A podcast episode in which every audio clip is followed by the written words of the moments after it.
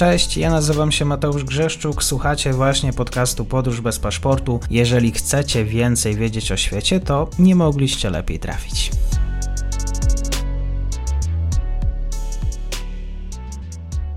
Partnerem odcinka jest Oanda, TMS Brokers, dom maklerski obecny na rynku już od ponad 20 lat. W opisie odcinka znajdziecie link do aplikacji, w której możecie otworzyć konto maklerskie i grać na giełdzie, a wcześniej potrenować na koncie demonstracyjnym. Jeżeli otworzycie konto za pośrednictwem tego linku, dostaniecie na start książkę o tematyce inwestycyjnej. Zapraszam, Mateusz. Dzień dobry wszystkim słuchaczom. Dzisiaj jesteśmy na dalekiej północy.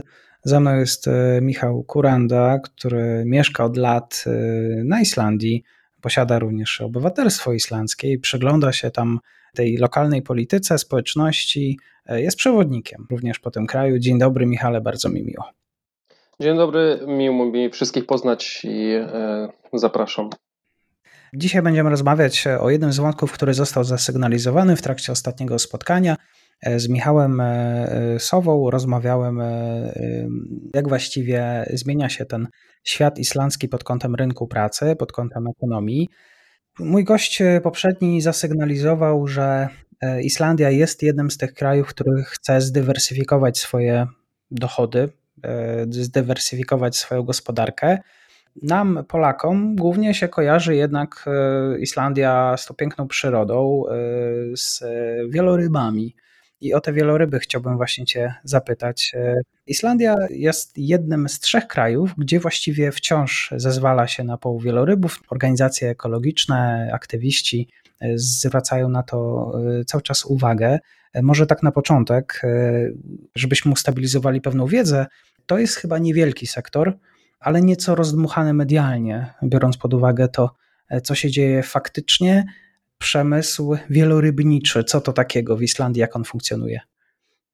E, to znaczy, może zacznijmy. Ja chciałem e, od tego, że chciałem skomentować, co powiedziałeś, że się gdzieś tam przyzwala, czy pozwala Islandii na poławianie wielorybów, czy polowanie na wieloryby. No i tutaj jest chyba klucz całego e, problemu. To znaczy, Islandii na nic się nie pozwala i w ogóle żadne z tych państw, które oryginalnie były państwami wielorybniczymi, no nie, nie można im nic nakazać, czyli tego, żeby one nie polowały na te wieloryby. I tak jest właśnie w przypadku Islandii. Są tylko trzy kraje, które polują w tym momencie na wieloryby. To jest Islandia, właśnie Norwegia i Japonia. No Islandia, tak jak e, wspomniałeś, że to jest niewielki sektor, w ogóle to jest bardzo mały wycinek tego całego tortu. To jest wyłącznie 2% wszystkich wielorybów upolowanych e, na świecie e, przypada na te, które zostały upolowane wokół Islandii przez islandzką firmę ale w tej kwestii zachodzi e, pewna dowolność, jeśli chodzi o samostanowienie, to znaczy widzisz, e, ta organizacja, o której wspomniałeś, to jest e, światowe, czy też mm, Międzynarodowa Komisja Wielorybnicza i ona skupia 88 krajów, które oryginalnie zajmowały się wielorybnictwem i tam w 1986 bodajże roku, jeśli dobrze pamiętam, to właśnie ze względu na załamujące się populację tych wielorybów na świecie, zostało wprowadzone moratorium. Przy czym to nie jest tak, że jakby odgórnie, ale raczej e, te kraje, wszystkie, które, prawie wszystkie, które uczestniczą e, w tej komisji, zdecydowały się to moratorium podpisać, czyli zakończyć wszelką aktywność na polu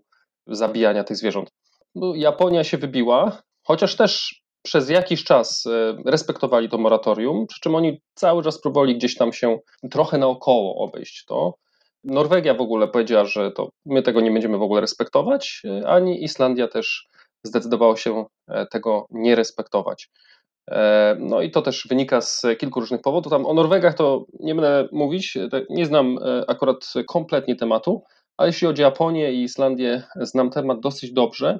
Islandczycy polują przede wszystkim dla Japończyków. To znaczy na Islandii konsumpcja wieloryba jest bardzo, bardzo niewielka, wręcz znikoma, można powiedzieć. E, jeśli się spytasz gdzieś na ulicy przeciętnego Islandczyka, czy jadł wieloryba kiedykolwiek, e, no to wydaje mi się, że około 80 kilku procent populacji powie, że nigdy tego specjału nie skosztowało.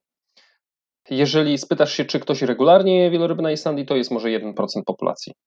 E, więc mówimy tutaj o kraju, który ma 375 tysięcy ludzi, czyli no 1% to jest e, ile? 3750 osób może regularnie, przy czym no nie mówimy tu, że codziennie, czy też tylko może raz w tygodniu, może raz w miesiącu, tak? Zdefiniuj regularnie.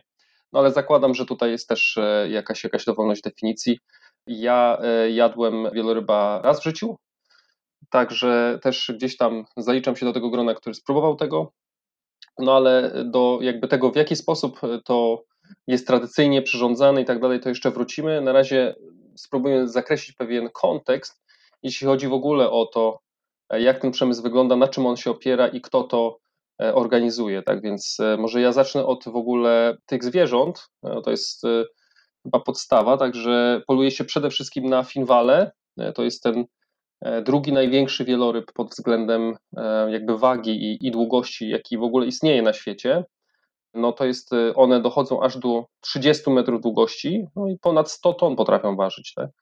Cała populacja finwali na całym świecie, no ona się waha w różnych tam ramach, ale jeśli chodzi o północny Atlantyk, czyli ten region, o którym tutaj mówimy, czyli tutaj, gdzie te zwierzęta migrują, bo one nie mieszkają na, wokół Islandii na wodach terytorialnych, ale migrują z i do sezonowo, konkretnie dlatego, że Islandia posiada niesamowicie bogate wody jeśli chodzi o ryby, to znaczy i plankton również, tak? Także to życie morskie tutaj jest bardzo rozwinięte i no, Islandczycy korzystają z tego również e, poprzez ten ogromny przemysł rybny, który się tutaj znajduje. No. Także wieloryby również z tego korzystają, bo one również jakby pochłaniają ten plankton, ale nie tylko, również ryby, do tego też wrócimy, bo to też jest istotny jakiś tam wątek, a więc w północnym Atlantyku mamy 80 tysięcy około tych finwali.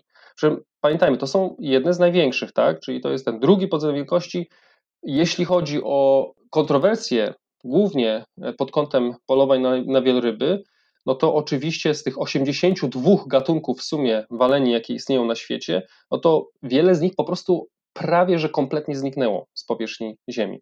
Także na przykład, jeśli chodzi o historię, no to Baskowie, oni praktycznie rzecz biorąc doprowadzili do wyginięcia tego wieloryby biskajskiego, który znajdował się wokół wód e, hiszpańskich, tam w Zatoce Biskajskiej przede wszystkim i też wyprawiali się na Islandię, żeby polować tam w XVII i XVIII wieku na te wieloryby biskajskie. W sumie teraz, dzisiaj na przykład tych wielorybów biskajskich na świecie jest 3000, 3000 sztuk.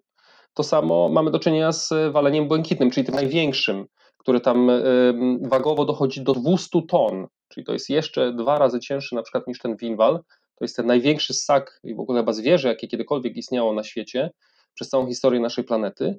No to zostało ich 3000 e, w sumie, prawda? One też się pojawiają tutaj e, na wodach Islandii. Przy czym jest na nie kompletne moratorium i Islandczycy ich nie pojawiają, e, czy też nie polują na nie właśnie z tego powodu, że jakby chcą respektować też pewne prawa naturalne i nie chcą doprowadzić do załamania się tej populacji.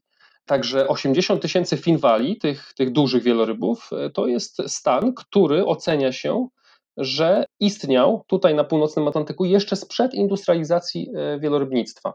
Czyli mówimy tutaj jeszcze o połowie, może początku XIX wieku. Czyli ta populacja jest dosyć stabilna, a nawet e, ma tendencję zwyżkową. Następnie drugim takim wielorybem, na który się poluje, są płetwale karłowate, przy czym było to e, w dużo większych ilościach wcześniej, jeszcze przed 2018. Teraz generalnie e, pojawia się ich dosyć niewiele.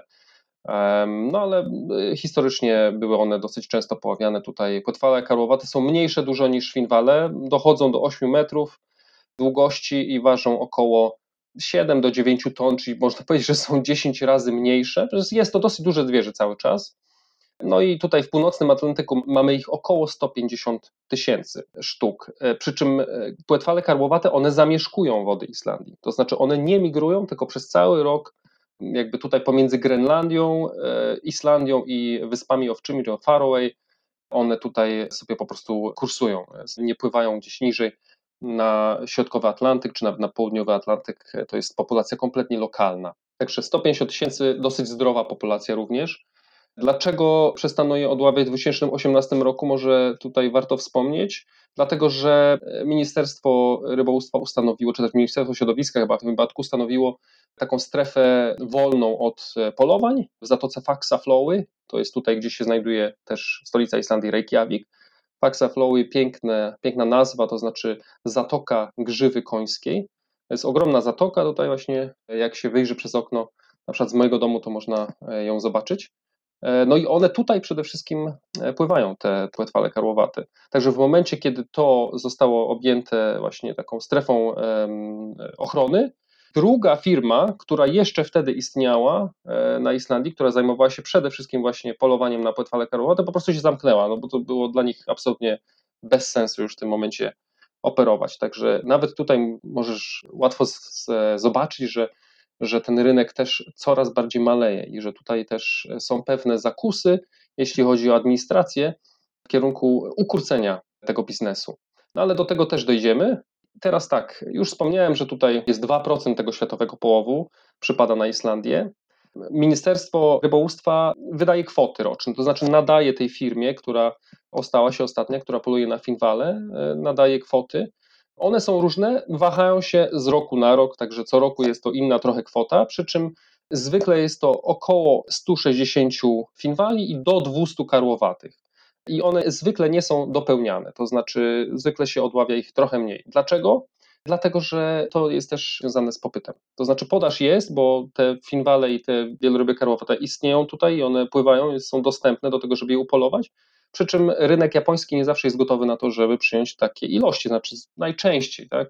Pamiętajmy też o tym, że Japończycy sami polują też na, na wieloryby, więc Islandczycy bardziej e, suplementują ich rynek tutaj. To jest tylko rynek japoński?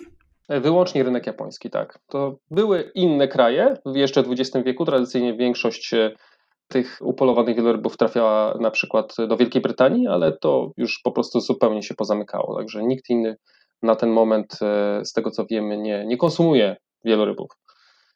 Japonia jest tak nazywana e, takim właśnie tym głównym lobbystą, e, głównym tym hamulcowym tych wszystkich zmian, które w jakiś sposób miałyby mieć miejsce w, na tym właśnie rynku. Oczywiście mowa tutaj o protestach ekologów, o aktywistach, o tych różnych doniesieniach medialnych na temat tego, że rzeczywiście trzeba i należy zakończyć z połowem wielorybów. Dzisiaj rządzący właściwie zastanawiają się i zadają sobie pytanie, kiedy będzie ten ostatni sezon wielorybniczy?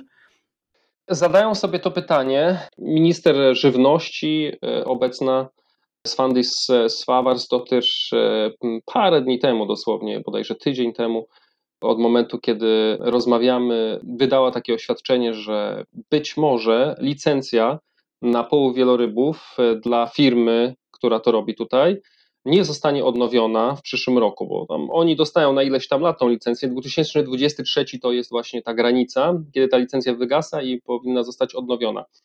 Przy czym ja myślę, że do, ja bym chciał o tym porozmawiać trochę, trochę na końcu jeszcze, zanim jeszcze do tego przejdę. E, chciałbym też porozmawiać, e, po, powiedzieć trochę o tej firmie i właśnie kto za nią stoi, kto jest tak naprawdę jakby tym kołem zamachowym tego biznesu wielorybniczego na Islandii. E, I to być może też rzuci e, światło na to, jaka będzie przyszłość e, wielorybnictwa na Islandii. Myślę, że to jest bardzo ważne, bo osoba, która za tym stoi, jest dosyć wpływowa, więc od razu mówię, że tu są wątpliwości, czy faktycznie jakby te zakusy, tak jak wspomniałeś, administracyjnie się powiodą w tym, żeby to wielorybnictwo ograniczyć. Więc kto to jest? Więc jak mówiłem, jest jedyna firma na Islandii, która się nazywa, to jest Kwalur HF, czyli to jest wieloryb spółka tam ZO, czy tam spółka SA, założona w 1945 przez ojca obecnego prezesa. Teraz e, prezesem jest Christian Lowco i on jest e, tutaj nazywany islandzkim Ahabem. No i e, ma gość 79 lat. Zaczynał już polować u swojego ojca na łodziach wielorybniczych w wieku lat 13 jest dosyć szorstki w obejściu. E, jest nazywany tutaj po islandzku Frekasti Madurin Islands, czyli taki gość, który myśli, że wszystko mu się należy z urzędu i tak właśnie występuje w mediach. No i e, no jest dosyć niepopularny, jest, jest kontrowersyjną postacią. Ja wspominałem o tym, że jakby w ogóle konsumpcja wieloryby na Islandii jest, jest dosyć niepopularna. Żeby jeszcze trochę podbić tą, ten bębenek, to od razu powiem, że wedle sondaży ponad 80% Islandczyków generalnie opowiada się przeciwko polowaniu na wieloryby. Także społeczeństwo jest niechętne temu. To nie zostało jeszcze jakby wdrożone przez władze, no i to też dojdziemy dlaczego. Myślę, że to właśnie przede wszystkim ze względu na, na Christiana Lowcona. Tak? On jest bardzo wpływowym, wpływową osobą. On jest bilionerem, czy tam miliarderem, jest niesamowicie bogatym człowiekiem. No jest takim trochę, e, moim zdaniem, wręcz e, taką postacią Ayn Randowską, nie? jakby wyciągniętą z powieści Ayn Rand. Przy czym oczywiście u Ayn Rand to są bardzo wystylizowane, bardzo wyidealizowani e, przemysłowcy. No on jest taką postacią dwuznaczną. No i jedni mówią o nim dobre rzeczy, e, ci, którzy go znają, inni, którzy go znają powiedzmy z mediów i z jakichś tam swoich hipotez, to mówią, że jest on po prostu jakimś tam powiedzmy skorumpowanym kryminalistą i tak dalej, także takie głosy też się pojawiają. Teraz tak, jak on, ten mężczyzna, sam sobie to tłumaczy, że jakby jest to dozwolone polowanie pomimo tego ogólnoświatowego przeciwu. On tak mówi, że to są nasze wody terytorialne, nikt inny tutaj nie ma wstępu i wszelkie zakazy z zewnątrz to jest po prostu arogancja e, no, e, obcokrajowców, którzy chcą za nas decydować o nas, tak? No i tutaj myślę, że takim świetnym przykładem tej postawy jest to, że mm, to chyba było w zeszłym miesiącu spotkanie właśnie Międzynarodowej Komisji Wielorybniczej, kiedy próbowano ustalić na południowej mm, Atlantyku, wokół Antarktydy, taką strefę chronioną kompletnie od e, połowów wielorybów. Przy czym tutaj, żeby taką strefę ustalić e, i żeby ona była legalnie przestrzegana, i żeby można było jakby ścigać za to, że nie jest przestrzegana, to e, chyba tam 3 czwarte bodajże głosów e, z tych 88 krajów musi być za. No i tam e, sporo krajów wyszło, po prostu opuścili obrady bez głosowania, a więc tym sposobem zatrzymali w ogóle głosowanie. Jednym z tych krajów, które opuściły, to była właśnie Islandia.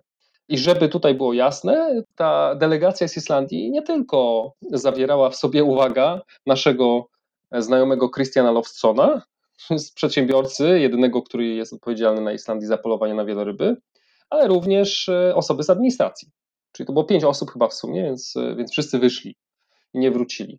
Czyli tutaj jest taki trochę właśnie taka gra, trochę w przeciąganie e, liny. Z jednej strony pojawiają się właśnie głosy, że może lepiej to zakazać, że może lepiej nie oddawać tej licencji, że może jednak e, to powinno być w przeszłości, zostać, pozostać jako jakaś tam nasza tradycja, ale niekoniecznie zabierać to w przyszłość. Ale z drugiej strony widać pewną przychylność ze strony administracji e, w stosunku do Christiana Lobsona, wielorybnika. Tak, miał nawet parę lat temu zmagać się z tym takim kryzysem dosyć wizerunkowym, nie wiem na ile on trwa, E, że jego firma e, miała zabić potwala błękitnego. Tutaj pojawiły się później takie zawiłe odpowiedzi, że rzeczywiście to nie był, to mógł być gatunek hybrydowy, e, że tutaj rzeczywiście nie jest aż tak zagrożony wyginięciem. No i on finalnie miał wylądować na tym japońskim rynku. Tak, 18 rok znowu. To był rok, kiedy wielka, głośna akcja Greenpeace'u oni wysłali obserwatorów e, do Kvalfjordur, e, to jest na północ, dosłownie 40 minut jazdy od Reykjaviku. E, duży fiord, w którym nomen omen znajduje się stacja wielorybnicza i trochę przypadkowo Kvalfjordur to znaczy wielorybi fiord. Nie z powodu stacji wielorybniczej, to jest taka legenda, która jest z tym związana, z, z nazwą tego fiordu, no ale tak wyszło, że tam też jest stacja wielorybnicza, więc Greenpeace tam zainstalował swoich ludzi w 2018. Zresztą od tego czasu robili to jeszcze, jeszcze dwa razy. Także oni są obecni tak na marginesie, e, no, praktycznie co roku. Zależy jak im budżet wypadnie, no nie, żeby wysyłać tutaj ludzi. No ale tam tak rozbijają namioty, no nie, przychodzą, no bo to jest to jakby legalne, żeby obserwować to. I oni e, zwrócili uwagę na to, że właśnie pojawił się ten duży waleń, który e, prawdopodobnie nie jest finwalem, tylko wręcz tutaj jest hybrydą tego płetwala błękitnego i finwala. To jest bardzo, bardzo rzadka okoliczność. To znaczy, tych hybryd jest dosłownie kilka na świecie. Na kilka zostało zaobserwowanych, czyli mówimy o mniej niż 10 w ogóle na całym świecie zostało zaobserwowanych tych hybryd. Czyli to jest bardzo rzadki moment. To tak jakbyś, e, jakbyśmy zaobserwowali gdzieś hybrydę człowieka e, z szympansem. I no, gdzieś tam te geny się zgadzają. Generalnie to są dwa zupełnie różne gatunki. Raczej e, nie jakby współpracują ze sobą. No, od czasu do czasu to się zdarza, że e, ma miejsce taka piękna, romantyczna historia, że właśnie płetwal błękitny i finwal e, się spotykają i e, produkują tego rodzaju potomstwo. Także bardzo, bardzo rzadka okoliczność, więc też bardzo kontrowersyjne to się stało. Przy czym przez to, że to była hybryda, mimo że jest to kontrowersyjne, bo mimo że to jest tak rzadka okoliczność, to cały czas było legalne, tak? No bo jest to w połowie Finwal i jakby tłumaczenie Loftsona było takie, że no, jest to bardzo ciężko odróżnić. od, od Finwala, ponieważ jakby ma wszystkie takie cechy Finwala i parę tego płetwala błękitnego. Myśmy po prostu myśleli, że to jest zdecydowanie bardzo duży, bardzo duży Finwal. Ale była to faktycznie taka hybryda. No tam jest jeszcze parę innych takich nieścisłości, jeśli chodzi o przestrzeganie reguł. No to zaraz do tego przejdę. Wyjaśnię słuchaczom, jak się poluje. No to myślę, że też może być dosyć ciekawe, żeby wszyscy wiedzieli, z czym takie polowanie na wieloryby jest, jest związane. To też jest e, interesująca kwestia. Dobrze, no e, powiedziałem co nieco o tym Lowconie. Jeszcze, żeby dokończyć e, odrobinę tutaj, to y, wspomnę, że on odziedziczył bardzo duży majątek, tak? że jego ojciec był bardzo potężnym tutaj przedsiębiorcą rybnym i Lowcon jest nie tylko udziałowcem największym właśnie w Wieloryb SA, w Qualur HF, ale też nie wiem, czy jeszcze cały czas jest największym, wydaje mi się, że, że już teraz nie jest największym, ale cały czas jest dosyć dużym udziałowcem w HB Grandi, która jest jedną z największych firm rybackich na Islandii. Teraz, e, żeby było jasne, Islandia stoi rybami. Tak? Cała Islandia jako kraj i jako gospodarka wyrosły na przemyśle rybnym.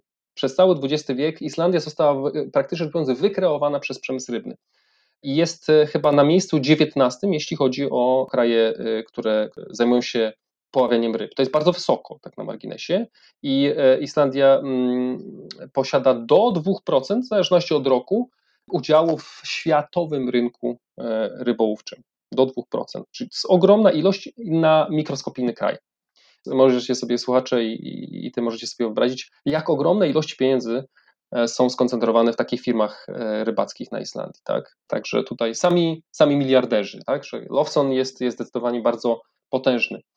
A propos mm, jakby teraźniejszości i i przyszłości i jakby powiązań pomiędzy obecną administracją a w ogóle firmami rybołówczymi powiem trochę na końcu, ale są one bardzo ścisłe.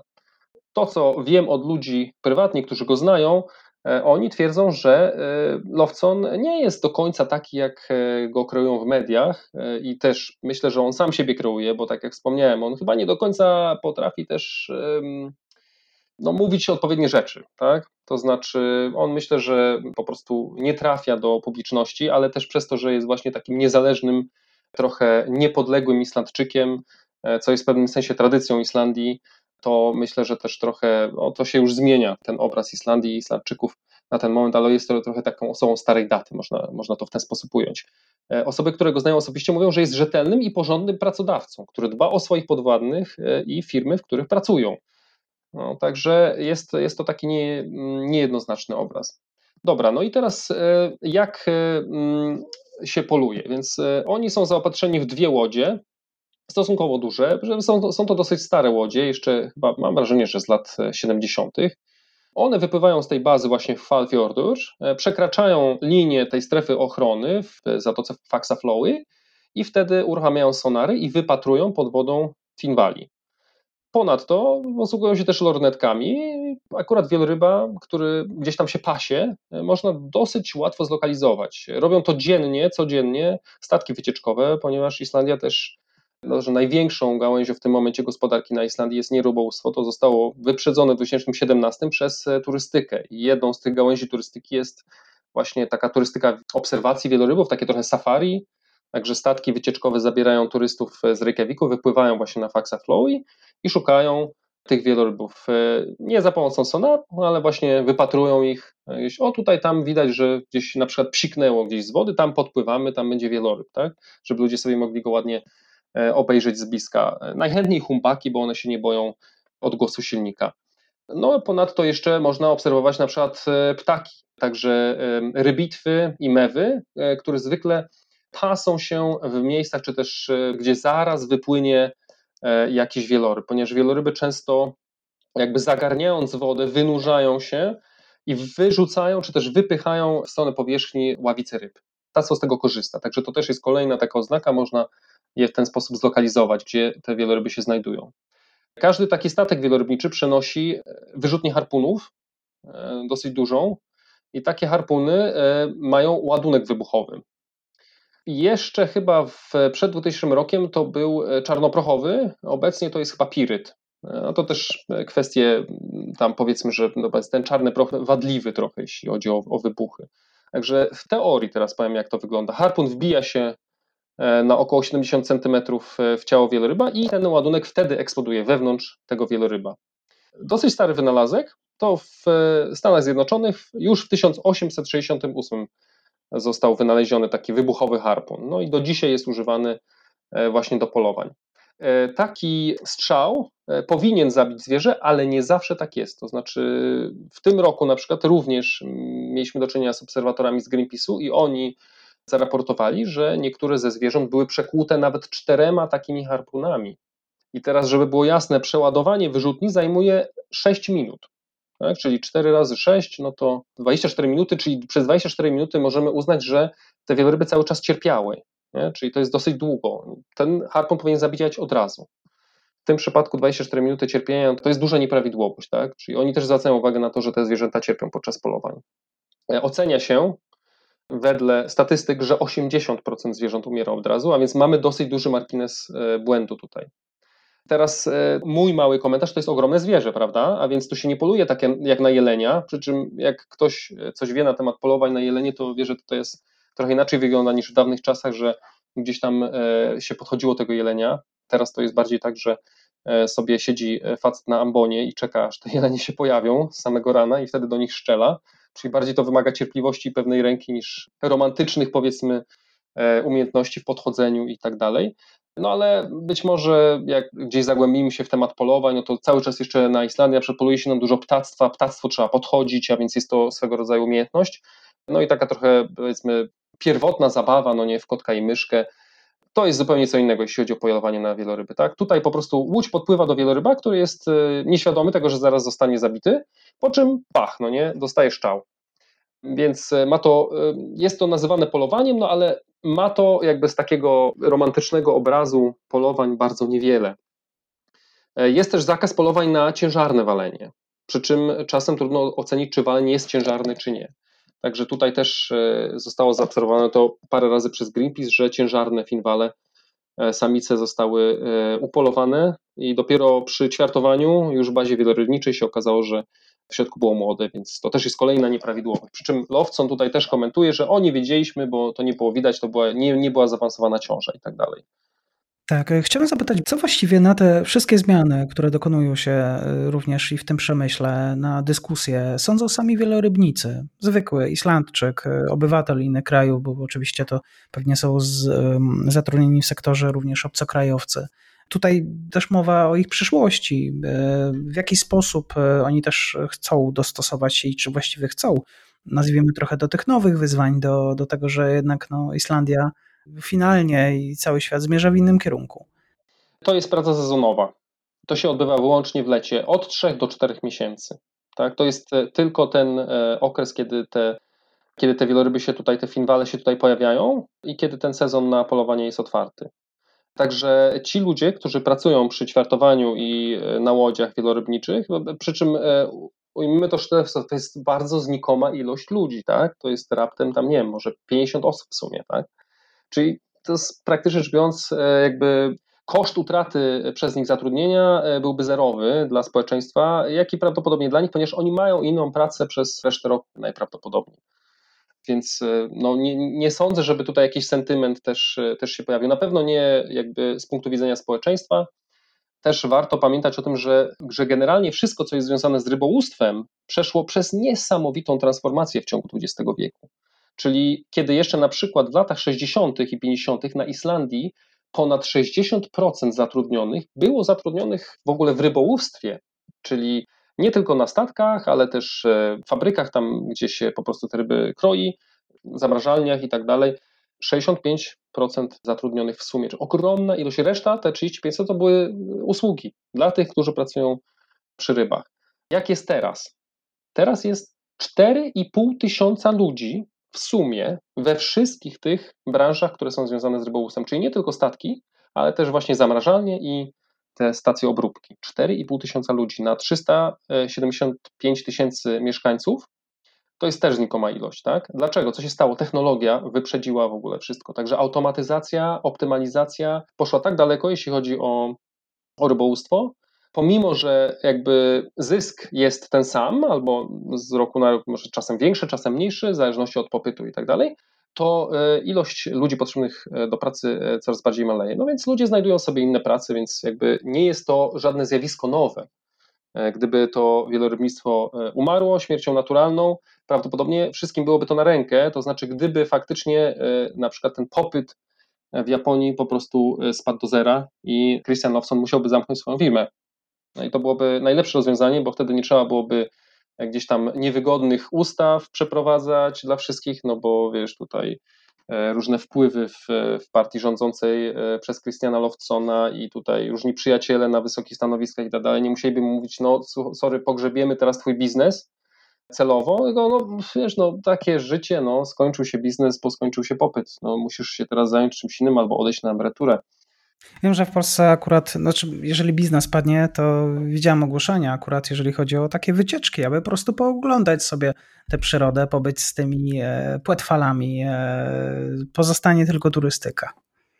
Pozostanie tylko turystyka. Przy czym mm, jest tu też e, inna kwestia, bo ja wspominałem, że tam 85% ankietowanych mówi, że są wręcz przeciwni temu wielorybnictwo, a to też ze względu na turystykę, tak, bo jest to dosyć dziwne, że wypływa statek wycieczkowy i to zdarzyło się tak na marginesie, że ludzie zrobili zdjęcia telefonami ze statku wycieczkowego, jak płynie właśnie ten ów statek wielorybniczy, ciągnąc za sobą dwa martwe finwale. Także zobaczyli wieloryby na statku wycieczkowym, ale martwe, upolowane.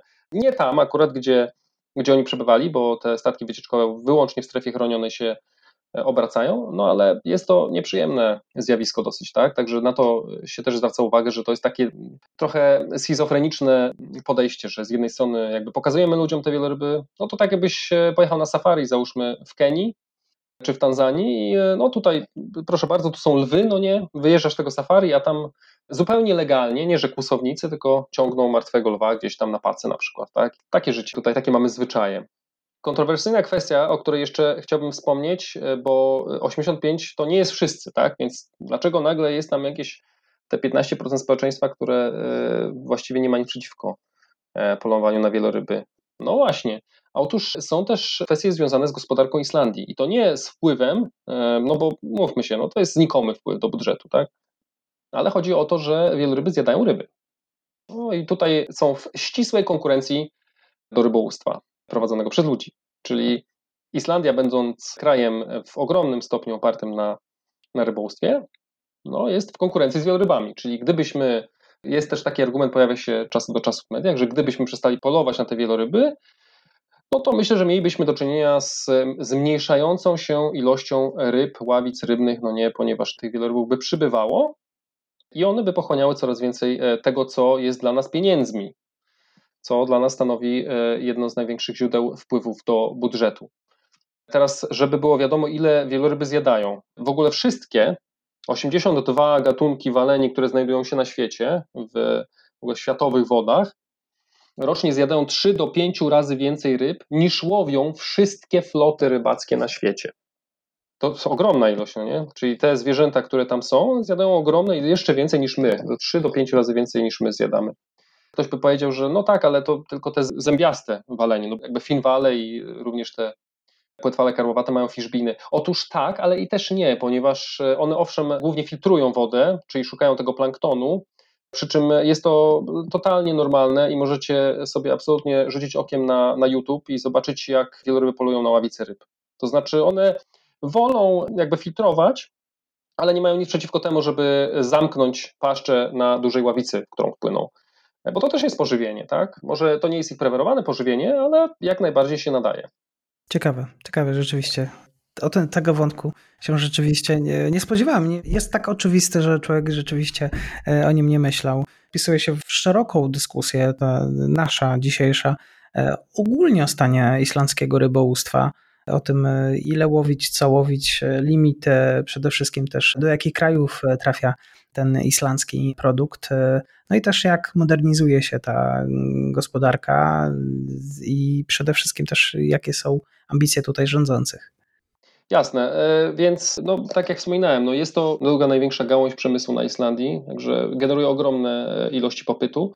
No i e, te islandzkie firmy rybackie no, mają status międzynarodowy, to znaczy one też prowadzą inwestycje w innych krajach i kupują licencje i kwoty również w innych krajach, nawet u wybrzeży Afryki, załóżmy nawet, po to, żeby odławiać się w innych miejscach. Także Islandia się bardzo wyspecjalizowała pod tym kątem. Praktycznie rzecz biorąc, bez rybołówstwa Islandia no, nie byłaby tym, czym jest. Nie byłaby krajem takim, w którym się żyje dosyć wygodnie i który jest e, dosyć e, majętny, jak na tak niewielki, oddalony od wszystkiego, od cywilizacji e, kraj.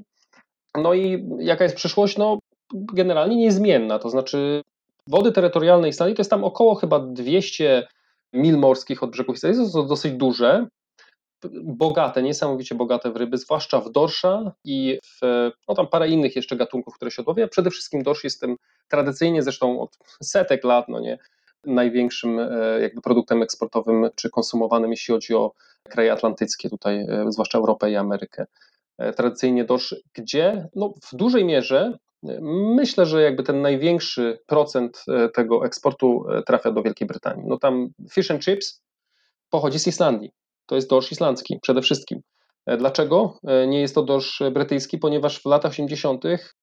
te tereny rybackie wokół państw europejskich się załamały, to znaczy populacje dorsza po prostu opadły kompletnie, prawie że do zera, to znaczy do takich ilości, że zaczęto wprowadzać kwoty. To jest właśnie te lata 80., to jest właśnie to takie, ten wake-up call, taki trochę dzwonek, pobudka dla krajów, które dużo łowią, e, po to, żeby ograniczyć to rybołówstwo i żeby pozwolić e, na e, zregenerowanie się tych ławic. W przypadku Wielkiej Brytanii to one się nie regenerują zbyt szybko. Niestety, w przypadku Ameryki Północnej, to znaczy Stanów Zjednoczonych przede wszystkim, to tam tak, tam e, rzeczywiście ten, ten wzrost jest, e, przy czym oni cały czas, tam wręcz jest moratorium e, w niektórych miejscach kompletne na poławianie, także się po prostu tego nie łowi. Takie kraje jak na przykład czy to Hiszpania, czy Portugalia, czy właśnie Wielka Brytania muszą po prostu sprowadzać dorsza z Islandii i z Norwegii. Jest na pewno zawsze będzie ten popyt na to białe mięso rybie, Islandia dba o to, żeby te kwoty nie zostały przekraczane, a więc żeby to było rozsądnie prowadzony połów, czyli taki, żeby nie przetrzebić e, populacji dorsza. Jak na razie dobrze sobie e, z tym radzimy, to znaczy e, jest to, jest to prowadzone bardzo dobrze na ten moment, nie ma z tym większych problemów. Myślę, że przyszłość jakby, o ile turystyka, co pokazał na przykład COVID, może się zapaść, kiedy wszystkie kraje się zamkną, to turystyka praktycznie nie istnieje, jeżeli będziemy mieli jakiś większy kryzys, powiedzmy, na rynkach światowych, to e, myślę, że turystyka też będzie pierwszym miejscem, pierwszą gałęzią biznesu, która zostanie trafiona, ze względu na to, że no, niekoniecznie musimy jeździć na wakacje, ale musimy jeść. Zawsze to rybołówstwo będzie obecne na Islandii i wyciągnie Islandię z największych kłopotów. No i tutaj też wspominałem o tym, że chcą rządzić o nas bez nas i tej mentalności Islandii, o tym, żeby być niepodległym, Islandia w XX e, wieku kilka razy prowadziła tak zwane wojny dorszowe z Wielką Brytanią. No, nie będę wchodzić w szczegóły, bo to jest być może temat na inny podcast i to jest być może jedyny konflikt, tak powiem w cudzysłowie, zbrojny, gdzie się faktycznie szczelali na morzu z flotą rybacką e, z Wielkiej Brytanii i z królewską marynarką, ta Straż Przybrzeżna Islandzka. No ale był taki moment, że właśnie pojawił się w wywiadzie premier Islandii w wywiadzie Wielkiej Brytanii, opisując, jakby to chodziło o rozszerzanie właśnie granic e, morskich Islandii i jakby wypychanie tych rybaków brytyjskich e, z tych właśnie bogatych tutaj wód. Premier Islandii pojawił się właśnie w telewizji Wielkiej Brytanii i powiedział, że bardzo istotne hasło, które być może jakby jest esencjonalne dla duszy islandzkiej i dla trochę takiego charakteru narodowego Islandii, można tak to ująć, że my jesteśmy niepodlegli, jesteśmy niezależni, ale nasza niezależność i nasza niepodległość to jest niepodległość ekonomiczna przede wszystkim i zawsze tak było to postrzegane przez Islandczyków. Także nie chodzi tutaj jakby o strzeżenie granic, bo z dumy narodowej, czy właśnie z jakichś innych pobudek, tylko przede wszystkim chodzi o pieniądze. Islandia jest doświadczona głęboko przez ogromną biedę. Przez setki lat biedy była Islandia najbiedniejszym krajem w Europie i w momencie, kiedy jakby odkryto ten moment doskonały, żeby właśnie wejść na rynek poławiania ryb i zostało to spożytkowane w 100%, będzie o to dbane zawsze. Będzie to e, jakby istotne dla serca Islandii, żeby właśnie ta niezależność ekonomiczna e, była, była istotna. No i to też jest powód, dla którego Islandia prawdopodobnie nigdy nie wstąpi do Unii Europejskiej, ponieważ gdyby wstąpiła do Unii Europejskiej, to firmy europejskie z innych krajów, czy to Francji, czy z, czy z Niemiec, czy, czy z Hiszpanii, mogłyby dowolnie kupować kwoty na wodach terytorialnych Islandii. I tego rząd Islandii i naród islandzki chce uniknąć za wszelką cenę.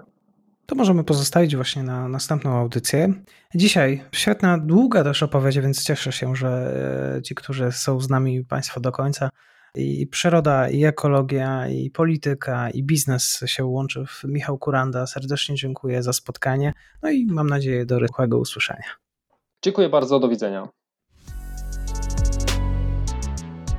I to już koniec na dzisiaj. Zapraszam na profil podcastu Podróż bez paszportu na Facebooku, Instagramie i Twitterze. Zachęcam też do wsparcia mojej pracy na serwisie Patronite oraz Buy Coffee. Do usłyszenia.